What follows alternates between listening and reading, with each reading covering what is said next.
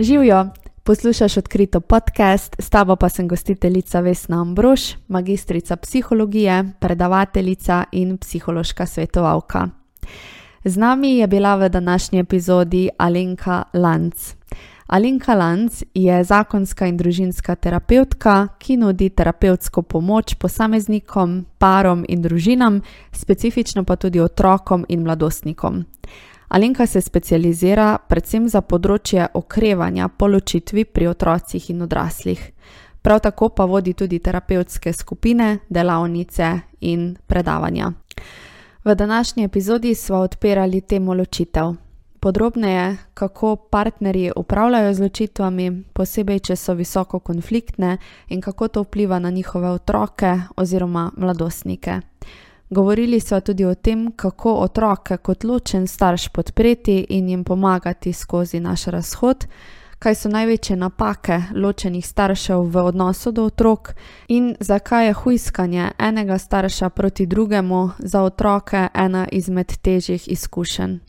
Odprle so tudi pogovor o tem, kdaj je pravi čas za partnersko psihoterapijo in kaj so pogoste težave, zaradi katerih partnerji pred ali po ločitvah prihajajo v Alenkino ordinacijo. Preden pa te spustim v dialog, te pa vabim tudi, da ta podcast oceniš in se na naročiš na tisti platformi, kjer ga zdaj poslušaš, zato da boš obveščen oziroma obveščena takoj, ko izide nova epizoda z mnenji, z ocenami, z naročnino, si mi res v ogromno pomoč, ker na ta način tudi poskrbiš, da se moj glas razširi med druge ljudi, ki bi jih te vsebine otegnile zanimati. Sem pa vedno noro vesela, noro hvaležna tudi, ko poslušanje epizode podeliš na svojem Instagram storju, pri tem pa prosim ne pozabi označiti z afna odkrito podcast, da te lahko sploh najdem in pa potem pošeram tudi na svojem profilu. Zdaj pa k epizodi.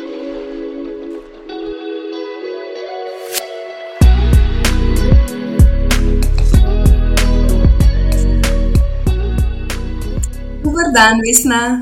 Zdravo, jaz sem ful, ful vesela, da smo se tako hitro ujeli, uh, pa zmenili končno za eno tako najno srečanje.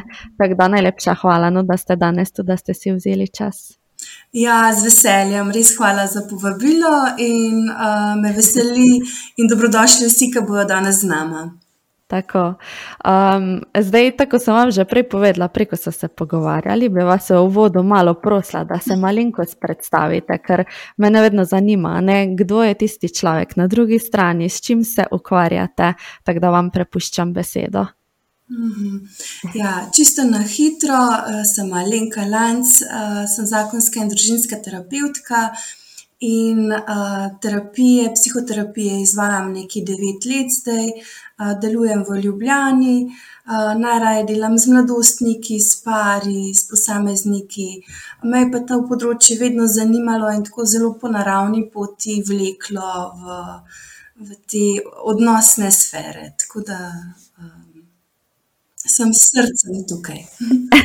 Za srcem tukaj, kako lepo je to slišati. Zdaj. A veste, jaz sem vas prvič videla oziroma poslušala eno izmed vaših predavanj na izobraževanju Lunine Vile, se pravi Inštituta za zaščito otrok. In je bilo to izobraževanje, jaz mislim, da nekje v začetku decembra, se pravi, to je šlo za, če prijaviš, lahko ustaviš tisto izobraževanje.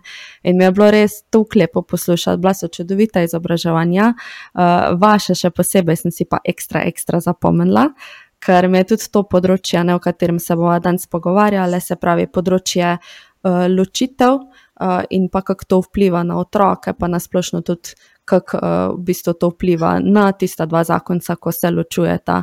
Um, ta dinamika in pa ta vaša predstavitev mi je bila res ful všeč in pa eno tako področje, ko ne vemo veliko o tem, se mi zdi. Ja, hvala za tak uh, lep feedback.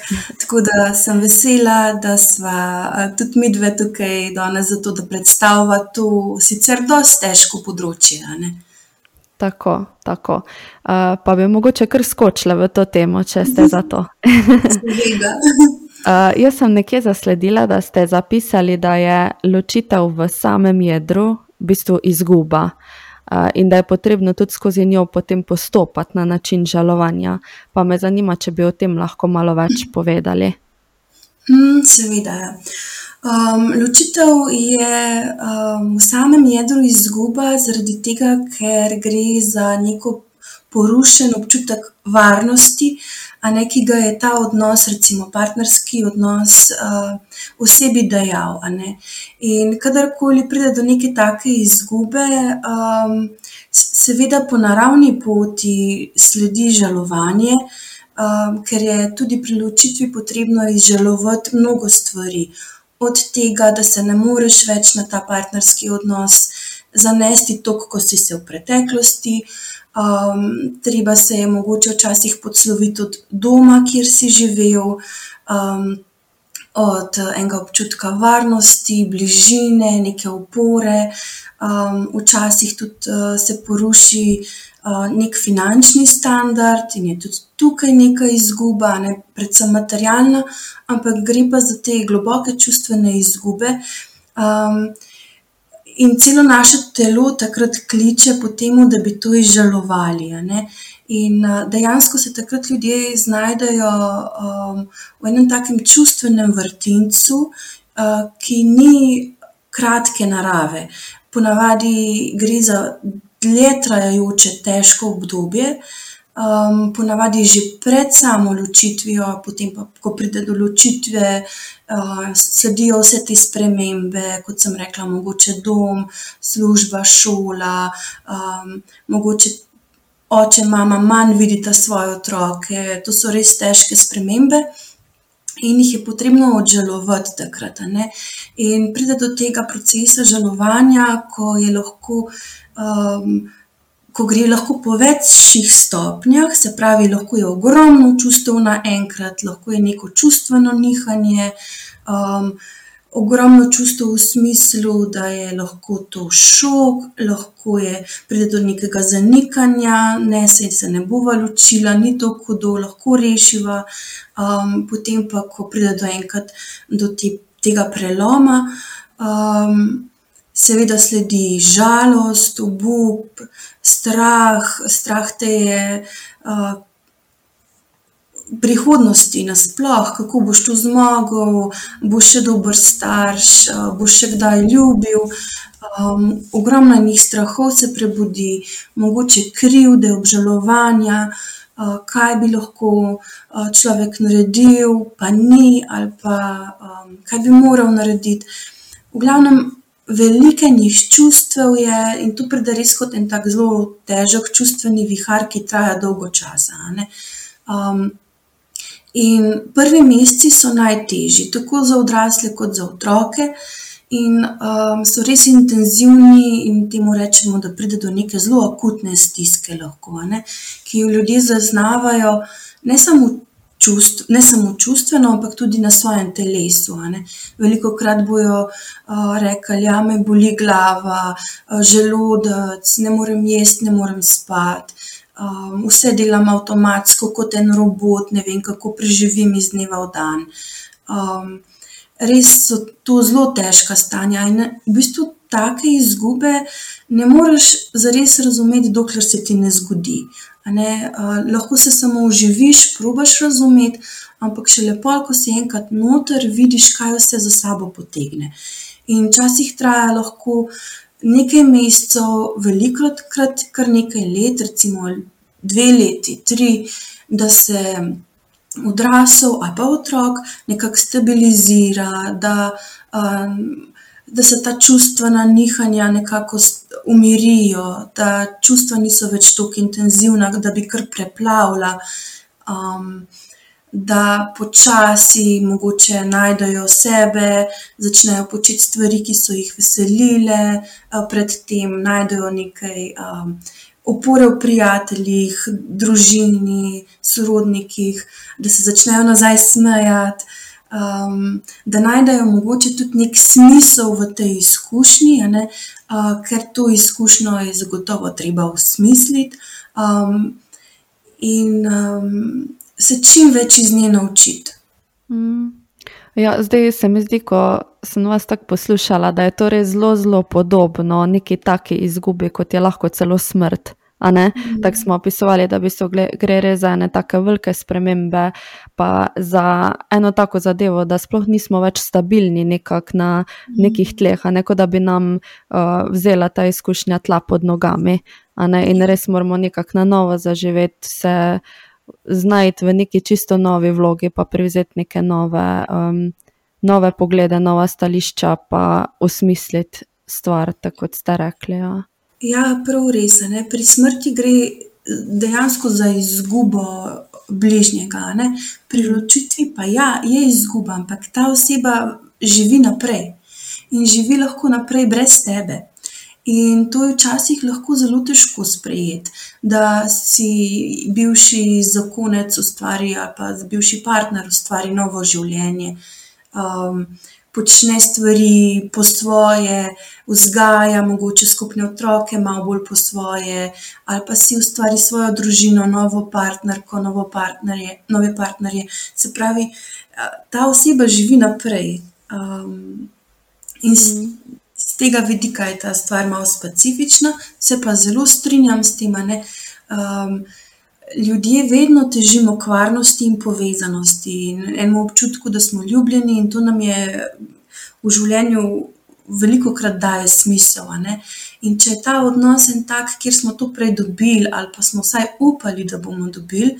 Um, in potem, ker naenkrat to uh, ni več tako, je ta izguba tudi zaradi tega globokega, porušenega občutka varnosti tako težja. Mm. Ja.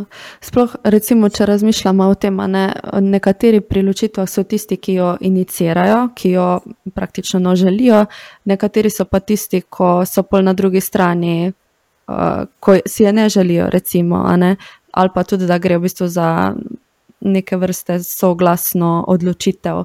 Ampak recimo, da govorimo o tisti, kjer nekdo daje pobudo, drugi pa v bistvu mora to sprejeti.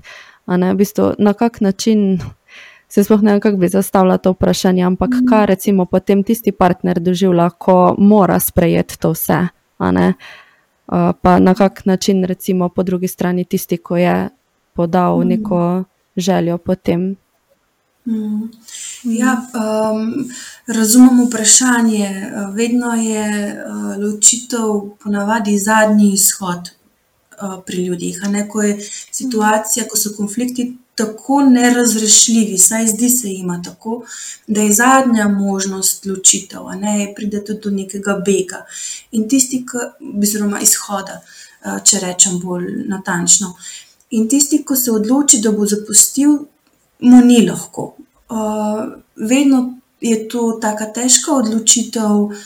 Potegne ogromno posledic za sabo, mogoče tudi neke krivde, odgovornosti, uh, Um, tisti, ki pa je na nek način zapuščen, ne, ko si pa odločitve včasih tudi ni želel, a pa bi še ustrajal, bi še razreševal, ne bi obupal, um, se pa veliko krat počuti zelo zapuščenega uh, in lahko tudi močno jeznega.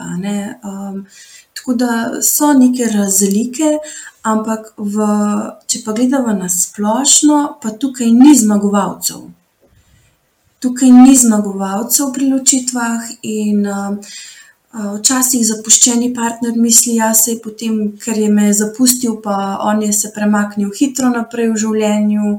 Um, ampak ni res. Čustva, čustvene rane so pri obeh in pri otrocih, pri njih pa sploh. Mm. Fulje pa ste to povedali. Ja nisem bistvo na tak način razmišljala, je res pri obeh, ne gre za to. Sej tudi, če nekdo da pobudo, a ne to ne pomeni, da je bila ta odločitev lahka, sploh ne. Um, mm -hmm. Absolutno. Kaj pa recimo po uh, vaših izkušnjah, kaj bi bil največkrat nek tak vzrok za ločitev partnerjev? Mm. Ja, za ločitev um, vzrokov je mnogo.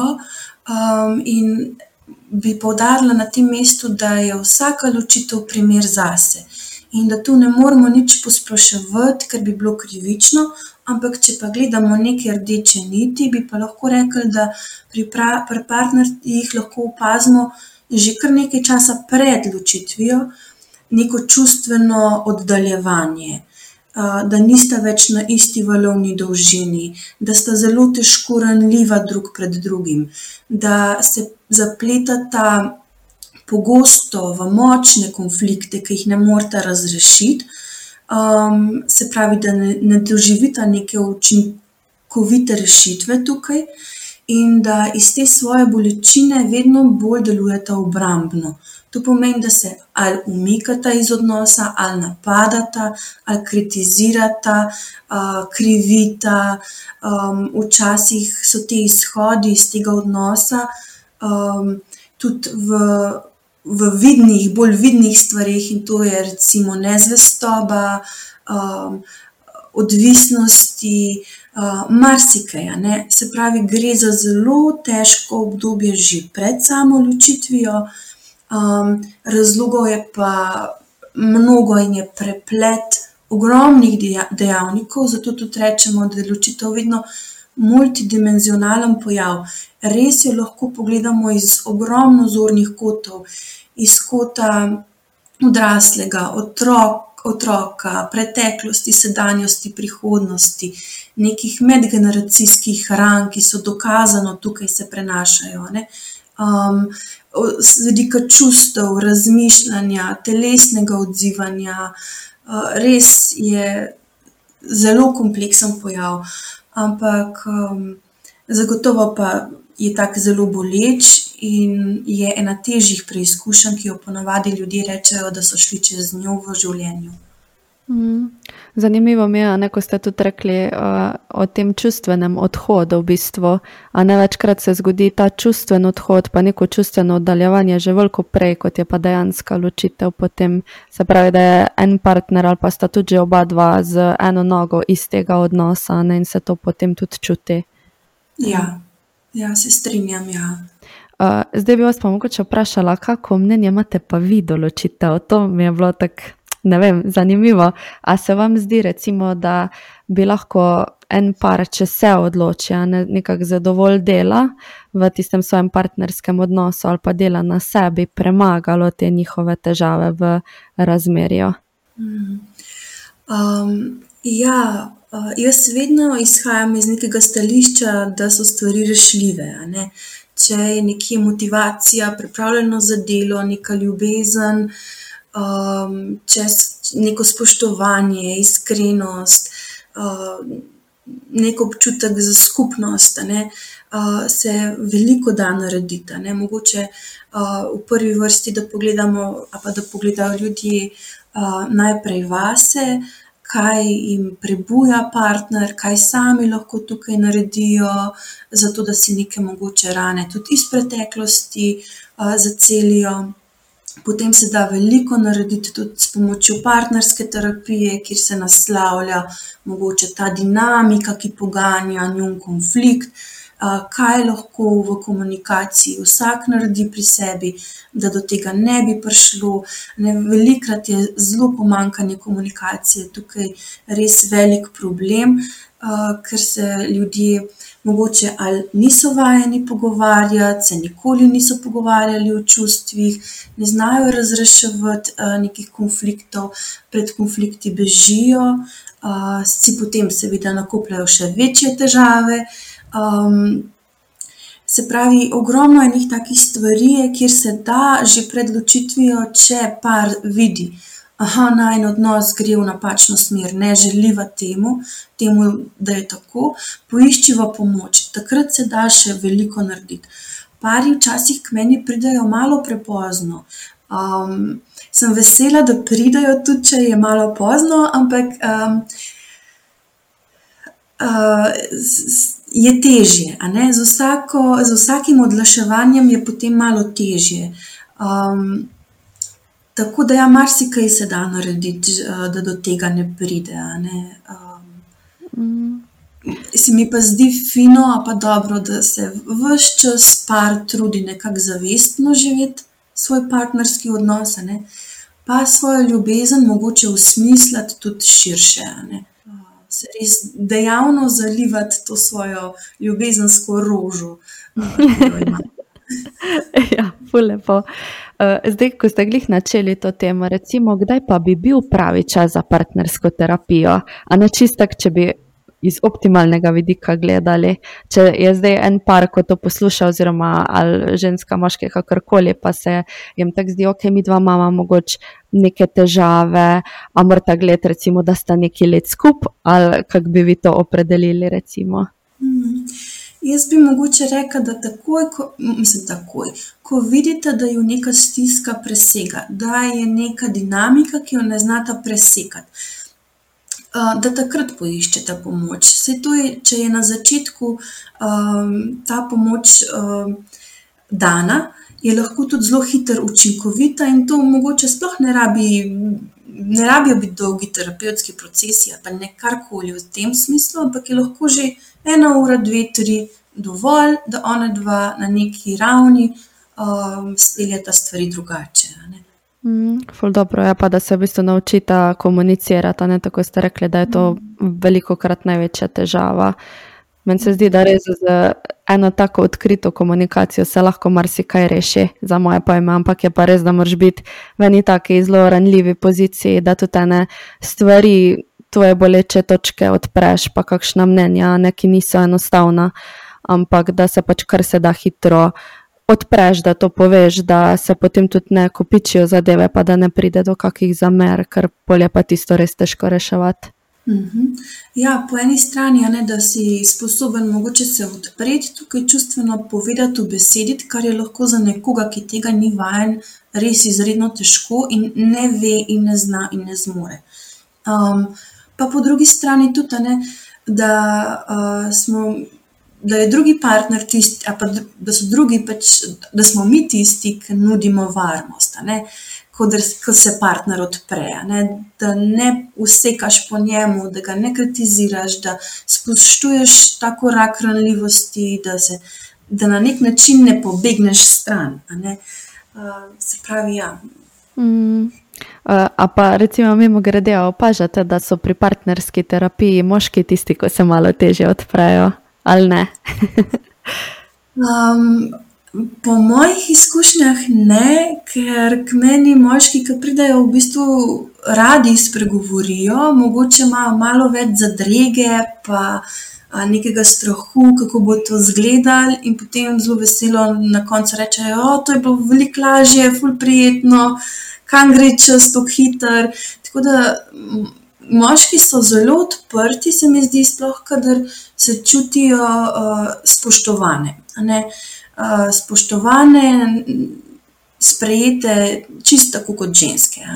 Um, Ja, tako da tu ni tistih razlik, ko bi nekdo pomislil, mogoče čisto tako tipično eh, ali pa stereotipno. Ženske so tiste, ko dajo pobudo in so tiste, ko rade govorimo, veliko govorimo o svojih čustvih, moški so pa tisti, ki jih je treba malo nahecati, pa požgečkati, da pridejo eh, tista čustva občutja na plana. Tako da ni glih najbolj tako.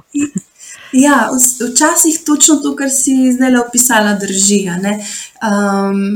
Ampak moja izkušnja osebna, lahko pač rečem, da, da je taka, kot sem prej povedala.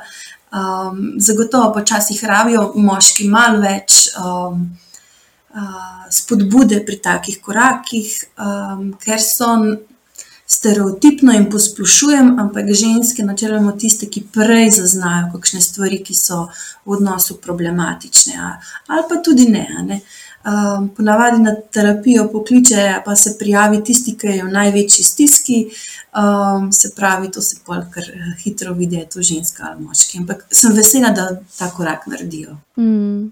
Lepo. Uh, zdaj pa preko smo začeli to temo. Ne? A se vam mogoče zdi, da je lahko ločitev, da je tudi napačna izbira za dva partnerja, a ne da bi imela ona dva dejansko potencial rešiti njuno razmerje, ampak nekako se odločite, da bojo ta rajše prekinila. Mm. Uh, jaz zelo ne rada sodim tukaj, in meni je neka svobodna volja zelo visoko na, vrednot, v, na moji vrednotni listvici. Um, in težko presojam, da dejansko jaz ne živim v tem njihovem odnosu, ne vem, kako se čuti, ne vem, kako je, ko uh, pridete domov za štiri stene. Uh, kaj vse sta že skupaj doživela. In dejansko jaz lahko samo nudim varen prostor, prostor, kjer bo ta lahko mogoče spregovorila o tem, kaj doživljata, kaj čutita, mogoče dan kakšno usmeritev, kdaj, da povem, aha, vajna barka pluje v to smer, pazite, tukaj so čeri, veter piha v to smer, izkoristite ta zagon. Take stvari lahko mogoče, um, nikoli pa se ne smem, ne morem in ne bom odločala na mesto drugih ljudi. To je pa res nujna odločitev, z njo morata živeti. Um, in uh, če rešita, je to lahko včasih tudi dober signal, tudi za otroke. Aha, vidiš, a ti mami se uh, sta zmožna rešiti tudi kakšne konflikte, uh, po dežju posije sonce. Uh, to, to je sestaven del življenja, ne, so konflikti. Ampak, uh, če pa so ljudje v teh medosebnih odnosih ne, res nesrečni, da so tam toksične stvari, disfunkcionalne, da. Um, Da je enostavno, a pa če je tam nasilje, odvisnosti, karkoli, potem lažje razumem, zakaj je nekomu res težko v takem odnosu živeti. Ni treba, da so vsi odnosi večni. Um, sploh takrat, ko grejo v našo škodo, pa v škodo večjih ljudi, kot so cele družine, ki trpijo, uh, ko ni tam noben več srečen. Ko mogoče tudi otroci spodbujajo starše naj se ločijo, ker ne morejo tudi sami več tega prenašati, pa gledati. Zelo so različne zgodbe. Tukaj res ne moramo posploševati. Mm, ful zanimivo. Ja, ker recimo razmišljala sem predvsem tudi v smeri, da uh, je navadno no, taka statistika, da ljudje, ki se enkrat ločijo, pa, pa se potem uh, nekako odločijo za ponovno poroko, da je potem tveganje za ločitev še večje. Uh, tako da mi je zanimivo, ne, da pol prihaja hitreje do ločitev, če je nekdo enkrat že bil poročen, pa se je potem ločil. Um. Ja, to drži.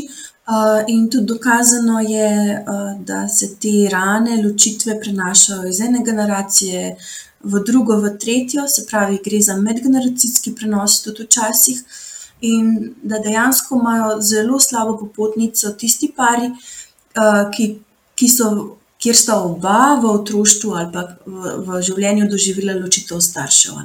Tam, tam je potem res težko in je treba včasih tudi veliko dela, da ne obupaš prehitro ker si nekje od doma že videl, kako se stvari rešujejo, kadar so res težke, in tam je potem treba um, mogoče tudi marsikaj prečistiti, pa reči, da to je zgodba mojih staršev, jaz pišem svojo, kako jo želim spisati. Mm, ja, zanimivo je, ja, ker ločitev se v bistvu ponudi kot ena taka možna rešitev takoj, oziroma veliko hitreje, kot pa recimo pri nekom, ko ni bil tega tudi deležen v svojem otroštvu. Ja, zanimivo. Ja, tako je. Um, Dejma, če ste za to, jaz bi šla v mhm. te visoko konfliktne ločitve. O tem ste takrat na izobraževanju govorili, pa mi je bilo to res zanimivo. Pa bi mogoče najprej iz vidika otroka pogledala. Eh, pogledala, kako visoko konfliktna ločitev v bistvu vpliva na otroka, s čim se takrat otrok bojuje, pa kaj občuti. Um, visoko konfliktna ločitev, nekje 20%, po nekaterih ocenah jih je tam nekje, um, je za otroka eno tako zelo težko in naporno, težko in naporna izkušnja. Zaradi tega, ker dejansko tukaj skoraj da ni pomiritve, ker se starša vse čas skregata, tudi če sta ločena, tudi če fizično ne živijo več skupaj sta lahko na dva vse čas v, nek, v nekem v napetem odnosu, v konfliktu. Um, in veliko krat uh, otroci to zelo močno zaznavajo, um, uh, recimo, uporabljeni. Oziroma, so na sredini tega bojnega polja, ne, bi lahko rekli. Tako da um, čutijo to napetost, um, In najtežje pri teh primerih je to, da so starši, ki, ki so v teh visokokonfliktnih razvezah, dejansko uh, zelo preplavljeni s svojo stisko, se pravi, s tem odnosom. In takrat je težko narediti en prostor za otroka. Ne? Se pravi, otrok, za njega zmanjka prostora. Uh, še teže pa je, kadar uh, ta. Uh, kadar starša, recimo, otroka uporabljata um, za nekega kurirja, kadar o drugem staršu uh, grdo govorita, ga želita razvrednotiti, ne, uh, kadar ne spodbujata otroka, da gre na stik, uh, da se ima lepo z drugim staršem. Kadar recimo pretirano želita otroku ugoditi, zato da bi ga bolj vezala na sebe. Um, tako da marsikaj otroci v teh zelo visokih konfliktnih um, ločitvah dejansko morajo pretrpeti, so zelo ranljivi, zelo ranjeni, spregledani, in veliko krat se potem tudi uh, to kaže na njihovem, recimo, vedenju, sploh če so fantiki, uh, in čustovanju, nekemu težavam v čustovanju, če so deklice. Recimo, Ampak ja, pri fantkih se recimo vidi to v. Uh, kakšnih agresivnih izbruhih, um, pa tudi psihosomatika, ne se pravi, da otrok zboli uh, in zdravniki ne morejo ugotoviti, kaj, uh, kaj je pravi razlog za to, ker, so, ker lahko gre za tako potlačena čustva, da že kar celo telo boli. Verjamem, veliko krat se pojavi, recimo, kakšne bolečine v želočku, ne kakšne take stvari. Tako da verjamem, da je to v bistvu tako za otroka, kot za starša res eno tako naporno obdobje. Evo, smo imeli vmes malo tehničnih težav, ampak nič hudega, sva že nazaj. Um, pa bi vas mogoče na tem mestu vprašala, katere se vam pa zdijo, da so mogoče največje napake staršev, a ne ko pride do otrok oziroma ob mladostnikov uh, ob visokokonfliktnih ločitvah, oziroma kaj otroku ne reči. Prej ste nekako že tudi omenili, da recimo um, ne bi, oziroma ni fajn, da se otroka huiska proti drugemu staršu. Uh, če je še kaj takega, recimo, kaj so tiste vedenja, ki jih ne želimo pri starših. Ja, um, pri ločitvi veliko krat pride do tega, ne, da uh, so starši svojo stisko takrat res izredno preplavljeni. Ne. To pomeni, da, da jim je težko, da žalujejo, da so jezni, da so, se počutijo najemosamljeno, zagrenjeno, res jim je težko. Ne. In v tem. Um, v tistem času, ko si preplavljen s tako težkimi čustvi, je zelo težko. Rabiš veliko energije, da ustvariš en prostor za svoje otroke, da jih slišiš, neobremenjeno s tem, kaj sam doživljaš.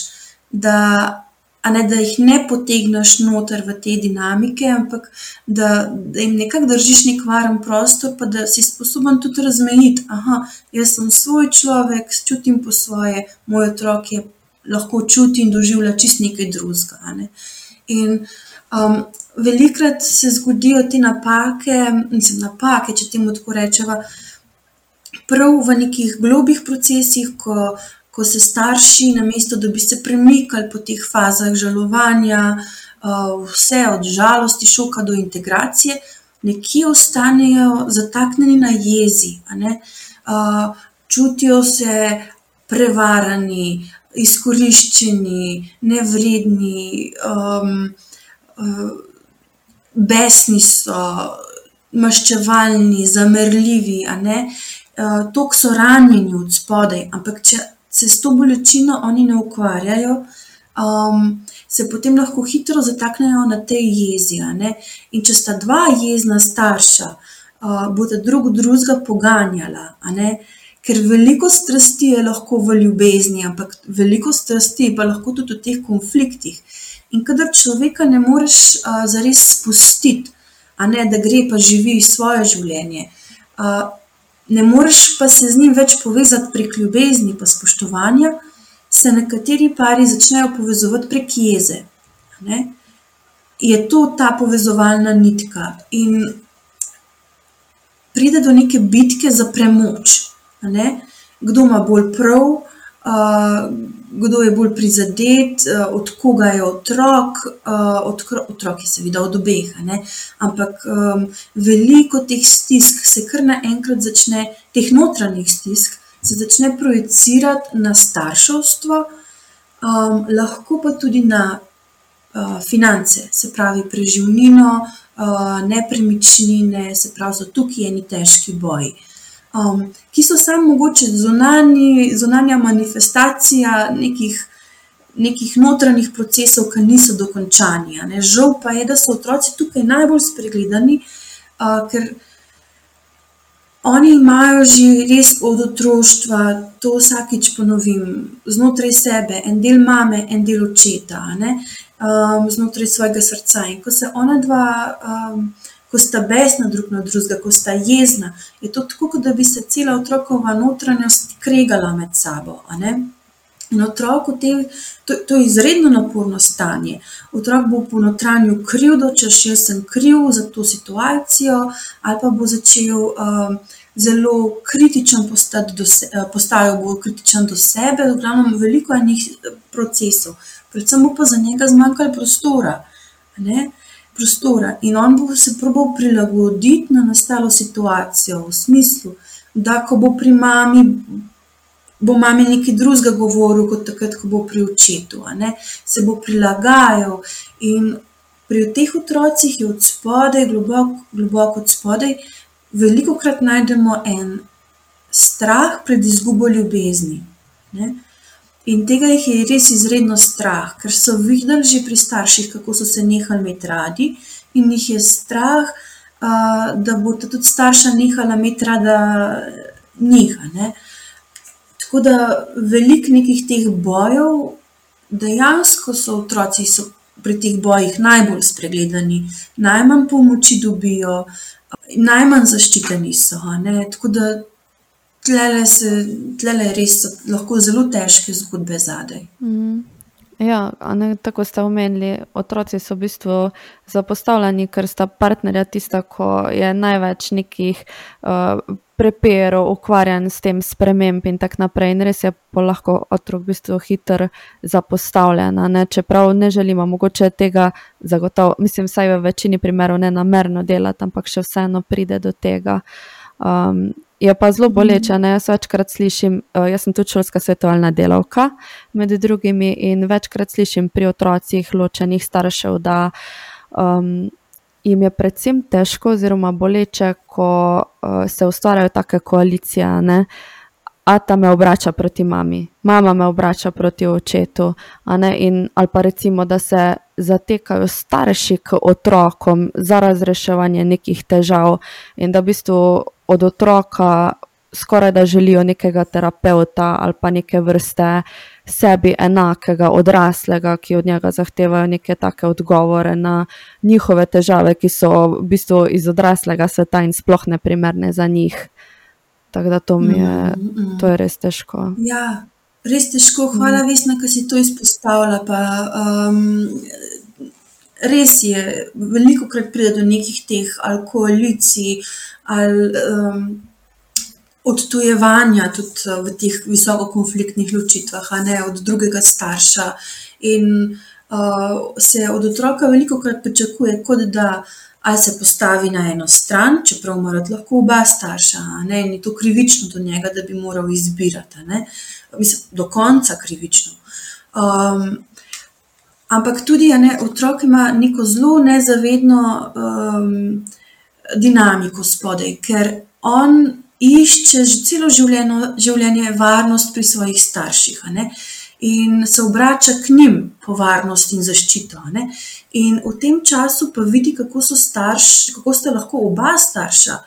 Uh, čisto preplavljena s svojo stisko, jezna, zamrljiva, uh, kako se ne počutita dobro, in potem si nezavedno želi otrok, da bi se ona dva vsaj počutila dobro, gre in pomaga.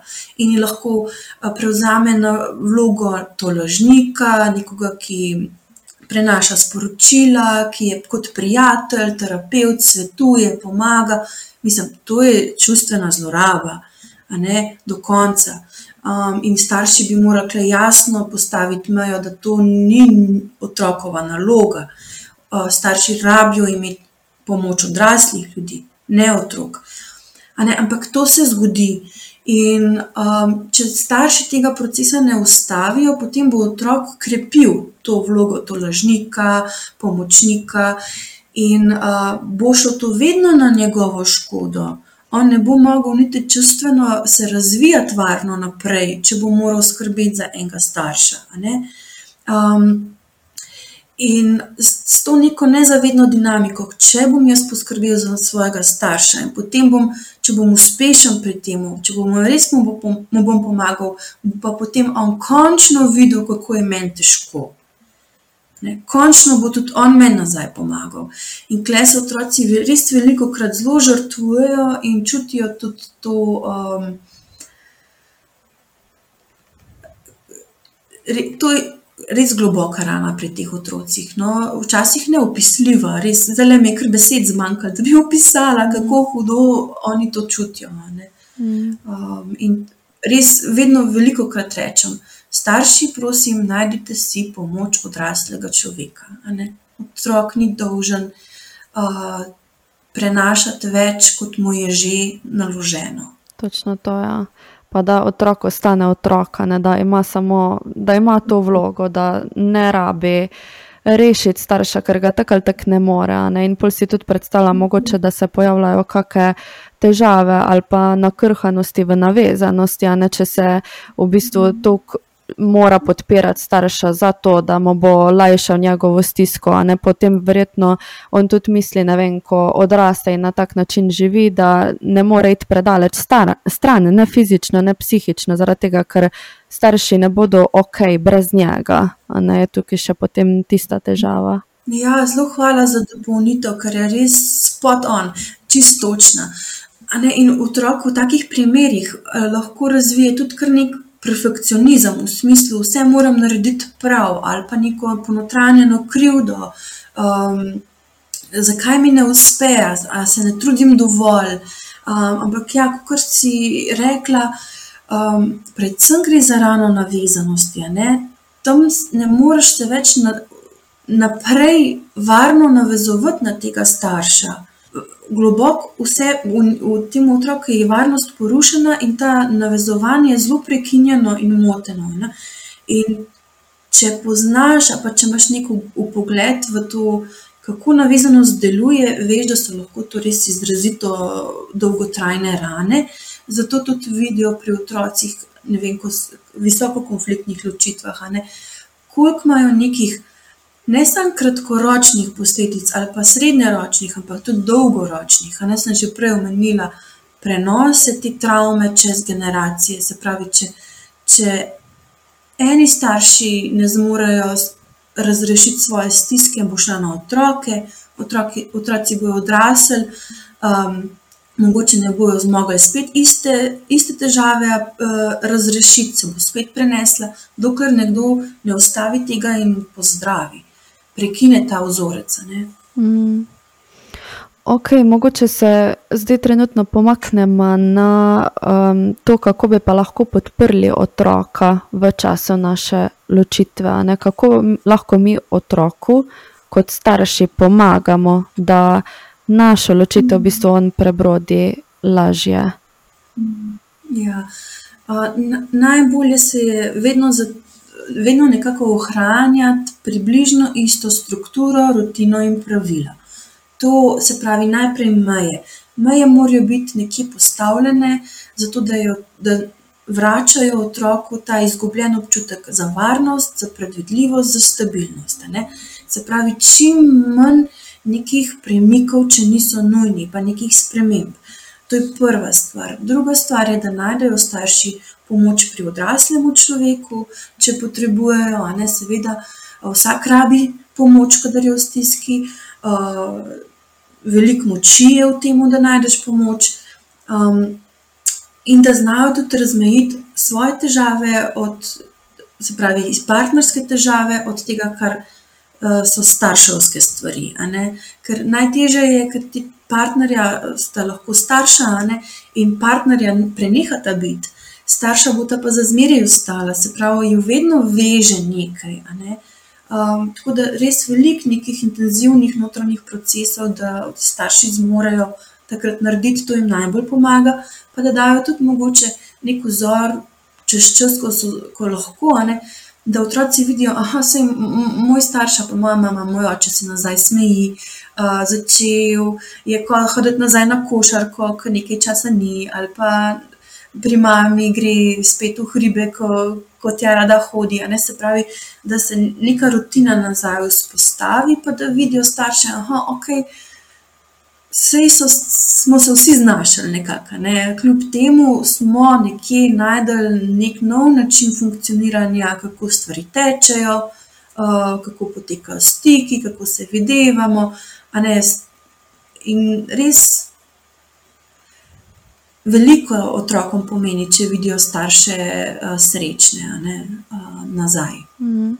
A bi rekli, recimo, da je tudi uh, pogovarjanje z otroki o ločitvi ena tako dobra, uh, dobra praksa? Mm, ja, seveda. Ja. Um, pogovor o ločitvi, da to ni tabu tema. Um, je pa res, da je tam treba še bolj izrazito biti previden in paziti da mogoče s svojo neverbalno komunikacijo, govorico telesno, ne dajes nekih čudnih sporočil. A ne tudi kaj poveš, vedno je treba uravnovesiti to, kar poveš, glede na otrokovo starost, sposobnost razumevanja. Ne, ne sme vedeti stvari. Ni dobro, da ve neke obremenilne stvari iz partnerskega odnosa. Se pravi, ja, da ustvariti prostor za otroka, da, da je varno, da pove. Um, otrok bo pa čutil, da lahko pove samo takrat, kadar bo vedel, da s tem, kar pove, ne bo mame ali pa očita še dodatno prizadel. Če bo imel ta občutek, da bo vznemiril, da bo razburil, da bo še prizadel, da, da bo ranil, otroci ponavadi ne bojo povedali. Um, tako da, ja, pogovor o ločitvi definitivno je dobra stvar, sploh takrat, ko starši vidijo, da otroci to potrebujejo, da se po naravni poti odprejo, da mogoče zajokajo, povejo, kaj jih teži, ko vidijo, da so jezni, a ne da takrat prek mogoče tudi nekih aktivnosti skupaj najdejo možnost pogovora o tem. Mm. Kaj pa recimo za me na pamet padlo upravljanje z tem, ko si potem starš dobi novega partnerja. Ne to je veliko krat tudi tema na mojih razgovorih v šolski svetovalni službi, da večkrat rečejo, da mu ni prav ali pa ji ni prav, ko vidijo, da ima mama novega partnerja. Um, recimo, imela sem tudi eno mamico zadnjič na govorilnih urah in mi je povedala, da uh, njuna hčerka, ko je z novim partnerjem skupaj, če sta recimo fizično blizu, oziroma se objameta, da ju fizično narazen tišči, a ne pa vedno mama, kaj pa ti, a ne. Čeprav sta pa ločena, mislim, da že kakšno leto ali pa dve.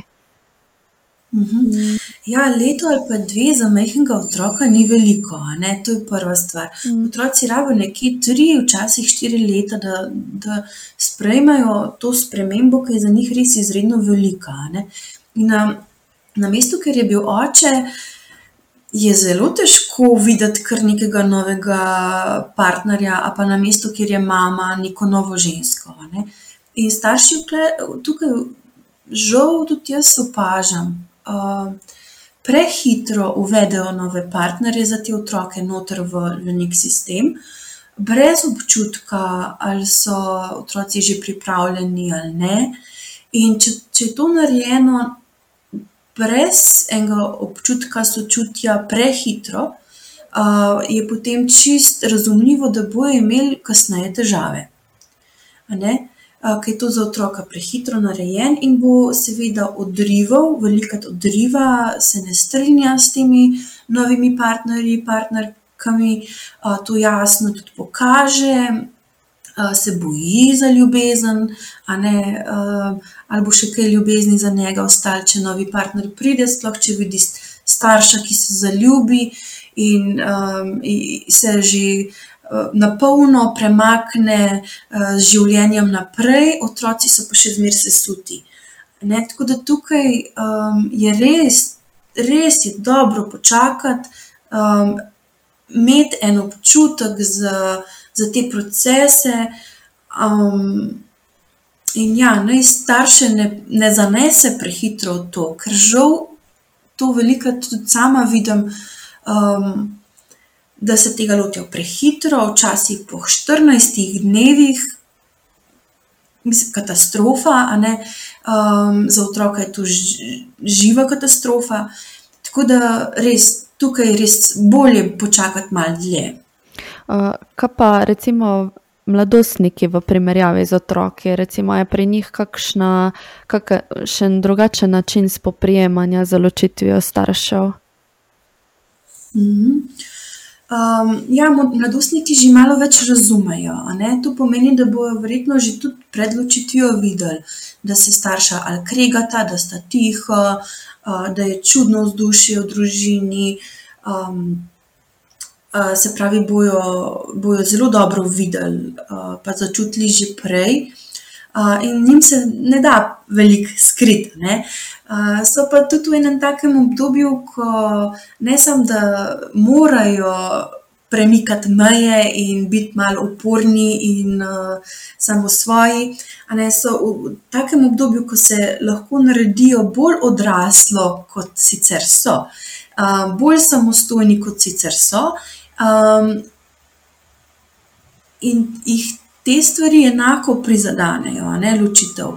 Predvsem zaradi tega, ker so tudi mogoče v tej fazi, ko se tudi sami prej mislim, ko, se zač ko se začenjajo zaljubljati, ko začenjajo vzpostavljati neke malce globije odnose, ali so to prijateljski, intimni.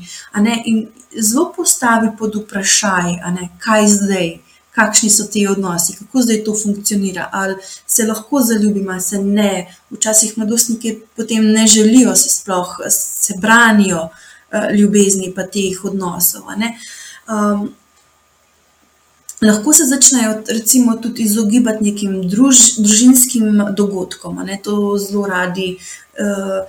Počnejo, moralizirajo, ne, so pametnjakoviči v smislu, uh, da to, pa to, pa to uh, si mama naredila na robe, ali pa to, pa to, pa to, če ni bilo prav, kaj delaš.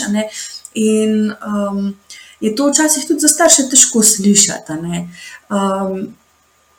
Veliko krat se tudi sramujejo svoje družinske situacije, sploh če je to malo bolj javen konflikt, ne, da recimo vsi na vas vejo, jih je potem sram, iščejo tudi neko pomoč pri svojih vrstnikih, prijateljih. In če je ta pomoč dobra, sem jaz zelo vesela in hvaležna, da jo imajo.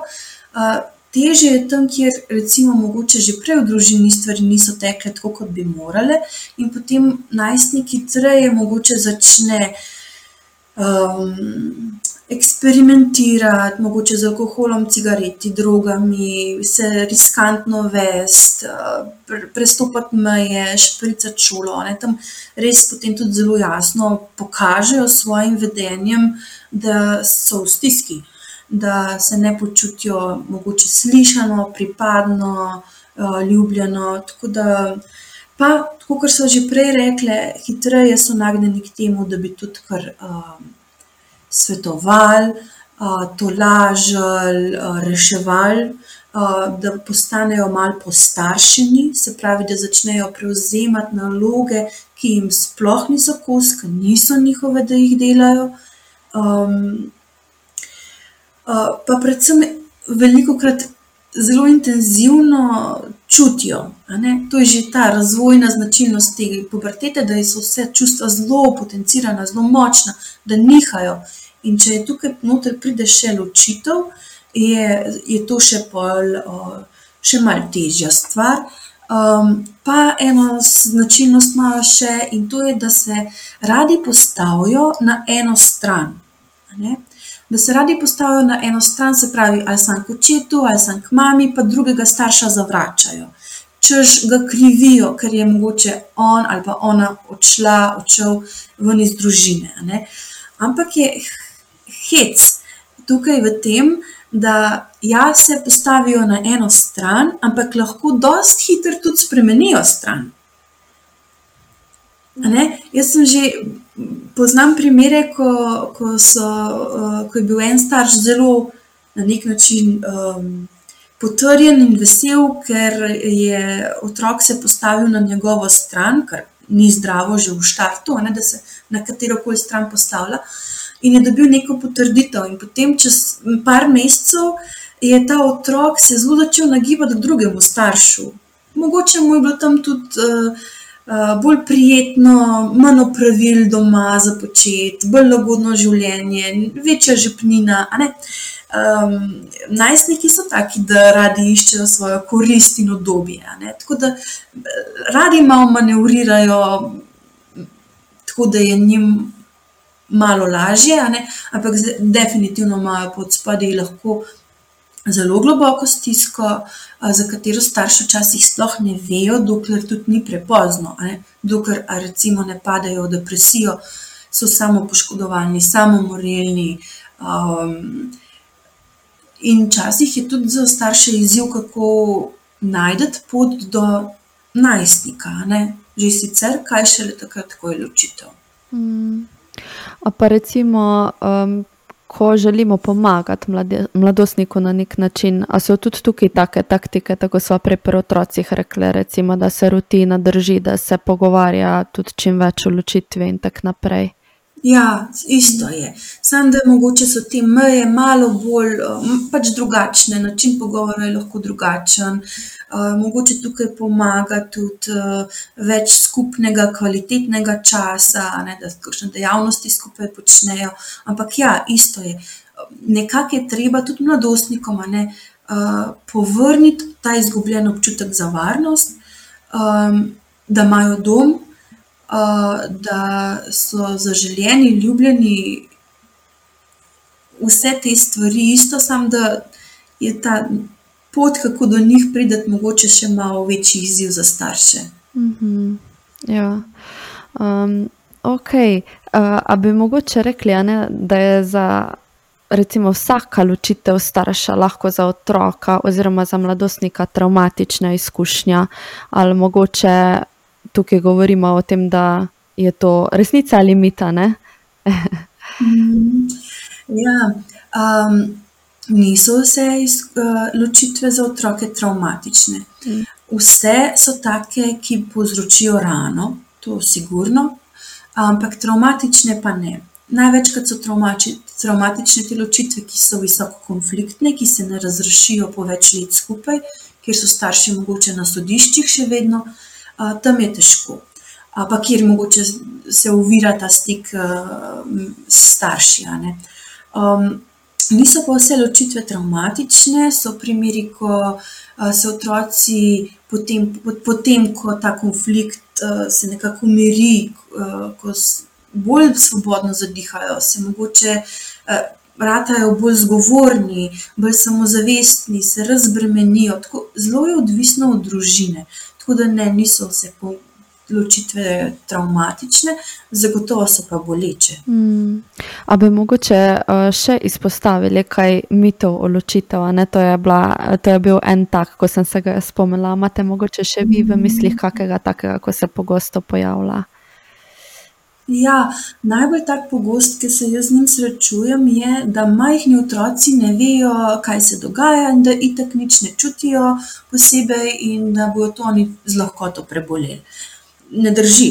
Dejansko so raziskave pokazale, da so ti majhni otroci najbolj ranljivi, najbolj izpostavljeni in da je na njih tudi ločitev najbolj vpliva. Zakaj? Tega, ker so tako majhni, da o svoji stiski še ne morejo govoriti ali pa jo razumeti, pa izraziti. Ne? Je pa njihovo telo takrat v polnem razvoju, se pravi, močno se razvija, nevropske povezave se delajo sto na uro, um, in vse, kar otrok, uh, vse, kar v bistvu ogromno nekih zaznav, se vtisne v takrat v otrokovo telo. Um, s telesom zaznava, je kot ena spužvica, ki vse srka, vzdušje, besede, poglede, točno čuti, ne, ker se še njegov tudi žilčni sistem razvija. Um, in v teh prvih letih je zelo pomemben, da tudi mogoče sta, mislim, da starši pomagajo otroku uh, graditi tudi ta parasimpatični žilčni sistem. Se pravi, to je ta sistem, ki pomaga se pomirjati, potolažiti, um, uh, ki, ki, ki neguje ne, uh, na nek način. In če otrok, mehen otrok čuti, da je mama v stiski, da je žalostna, da je preplavljena z jezo, da je nemočna, upana. Vse nekako s svojim telesom zaznava. Izgovoriti pa ne more, razložiti si pa ne more. Ne? In uh, tukaj so ti mehki otroci res zelo spregledani uh, v tem času. Tako da to je ena tako zelo. Mogoče malo napačno prepričanje, ki ga, imamo, ki ga imajo lahko ljudje o mehkih otrocih in ločitvah. Ja. Ali pa včasih tudi to, ne, da se ločiš sam, če je res hudo, da, da mora biti ne vem, kakšno nasilje, drogi, alkohol zadaj, da je to potem upravičeno, pa še takrat ni zares upravičeno. To se da potrpeti, sploh če si malo bolj iz podeželja, pa potem se delajo še neke primerjave s prejšnjim generacijam, ko so res ženske, a ne morali, pa moški več potrpeti, a ne pa so bili mogoče tudi ekonomsko bolj odvisni drug od drugega. Ampak um, jaz vedno rečem, ne moreš. Dejansko ljudje tako lahko skrijejo svoje stiske, Uh, zato, zato, ker mask skrijejo to, kaj se jim v resnici dogaja. Da, dejansko, če, če ne veš, kaj se zgodi, kaj se dogaja njim, kaj čutijo, kaj doživljajo, kaj vse je tam, mislim pa, kdo si potem ti ali pa jaz, da sodiš, kaj je prav, pa kaj ne. Tako da tukaj včasih boš se malo zabremzati in uh, ne biti preveč pameten ampak uh, samo držati uh, en prostor uh, tem ljud, mislim, ljudem, ne, ki zgrijo čez odločitev, da mogoče lažje povejo, kaj doživljajo. Mm. Ja, jaz se mi zdi, da tudi zaznavam v našem okolju, da je veliko tega obsojanja, ne zakaj je prišlo do ločitve, da um, pa kako to v bistvu na otroke vpliva. Ne tako smo ugotovili, da je vsaka ločitev je boleča, zelo boleča, ampak res, kaj se dogaja za štirimi stenami, pa ne vemo. Ne, da je prišlo do ločitve, je moglo biti zgleda res hudo, ne, ker to je v bistvu tista zadnja postaja, ki je itak za vse ni zmage, kar ste lepo omenili že na začetku. Um, ok, jaz mislim, da smo Alenka in mi dve prišli nekako do konca. Uh, mogoče bi jaz podelila, oziroma vas vprašala še samo zadnje vprašanje, pa bomo s tem potem zaključili. Uh, če naj zdaj nekdo posluša. In je tudi sam, oziroma sama v procesu ene tako grde ločitve, oziroma visoko konfliktne ločitve. Kaj bi mu vi zdaj svetovali, kaj bi mu povedali? Um, svetovala bi, meni rečete, sploh ne bi nič svetovala. Povedala bi samo to, da. Um, Da je nekje, nekje zadaj vedno upanje, da bo tudi največja, najtežja stiska minila, da niso sami in da ne rabijo biti sami, uh, in da bo, bo lažje.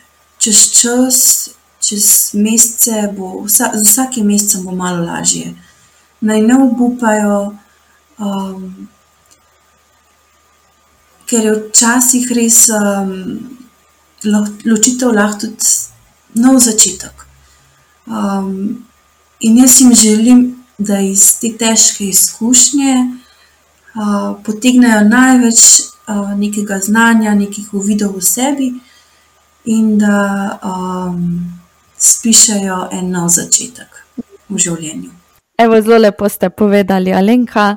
Uh, lepo so zaključile Jaz bi se vam na tem mestu res najlepše rada zahvalila, da ste si vzeli čas, da ste prišli na odkrito podcast. Jaz verjamem, da bo ljudem to zelo koristilo, ker je ena taka poučna epizoda bila, veliko res enih takih bogatih vsebin, znanj, modrosti. Tako da najlepša hvala za vse, kar počnete. Hvala, Vesna, za povabilo. Res mi je bilo veselje, da sem bila tvoja gostja in hvala, da pogumno odpiraš te teme. Uh, Tako da res mi je bilo prijetno. Hvala ti. Evo, super. Vsem, ki poslušate, lepo se imejte, pa se slišimo naslednjič. Čau, čau.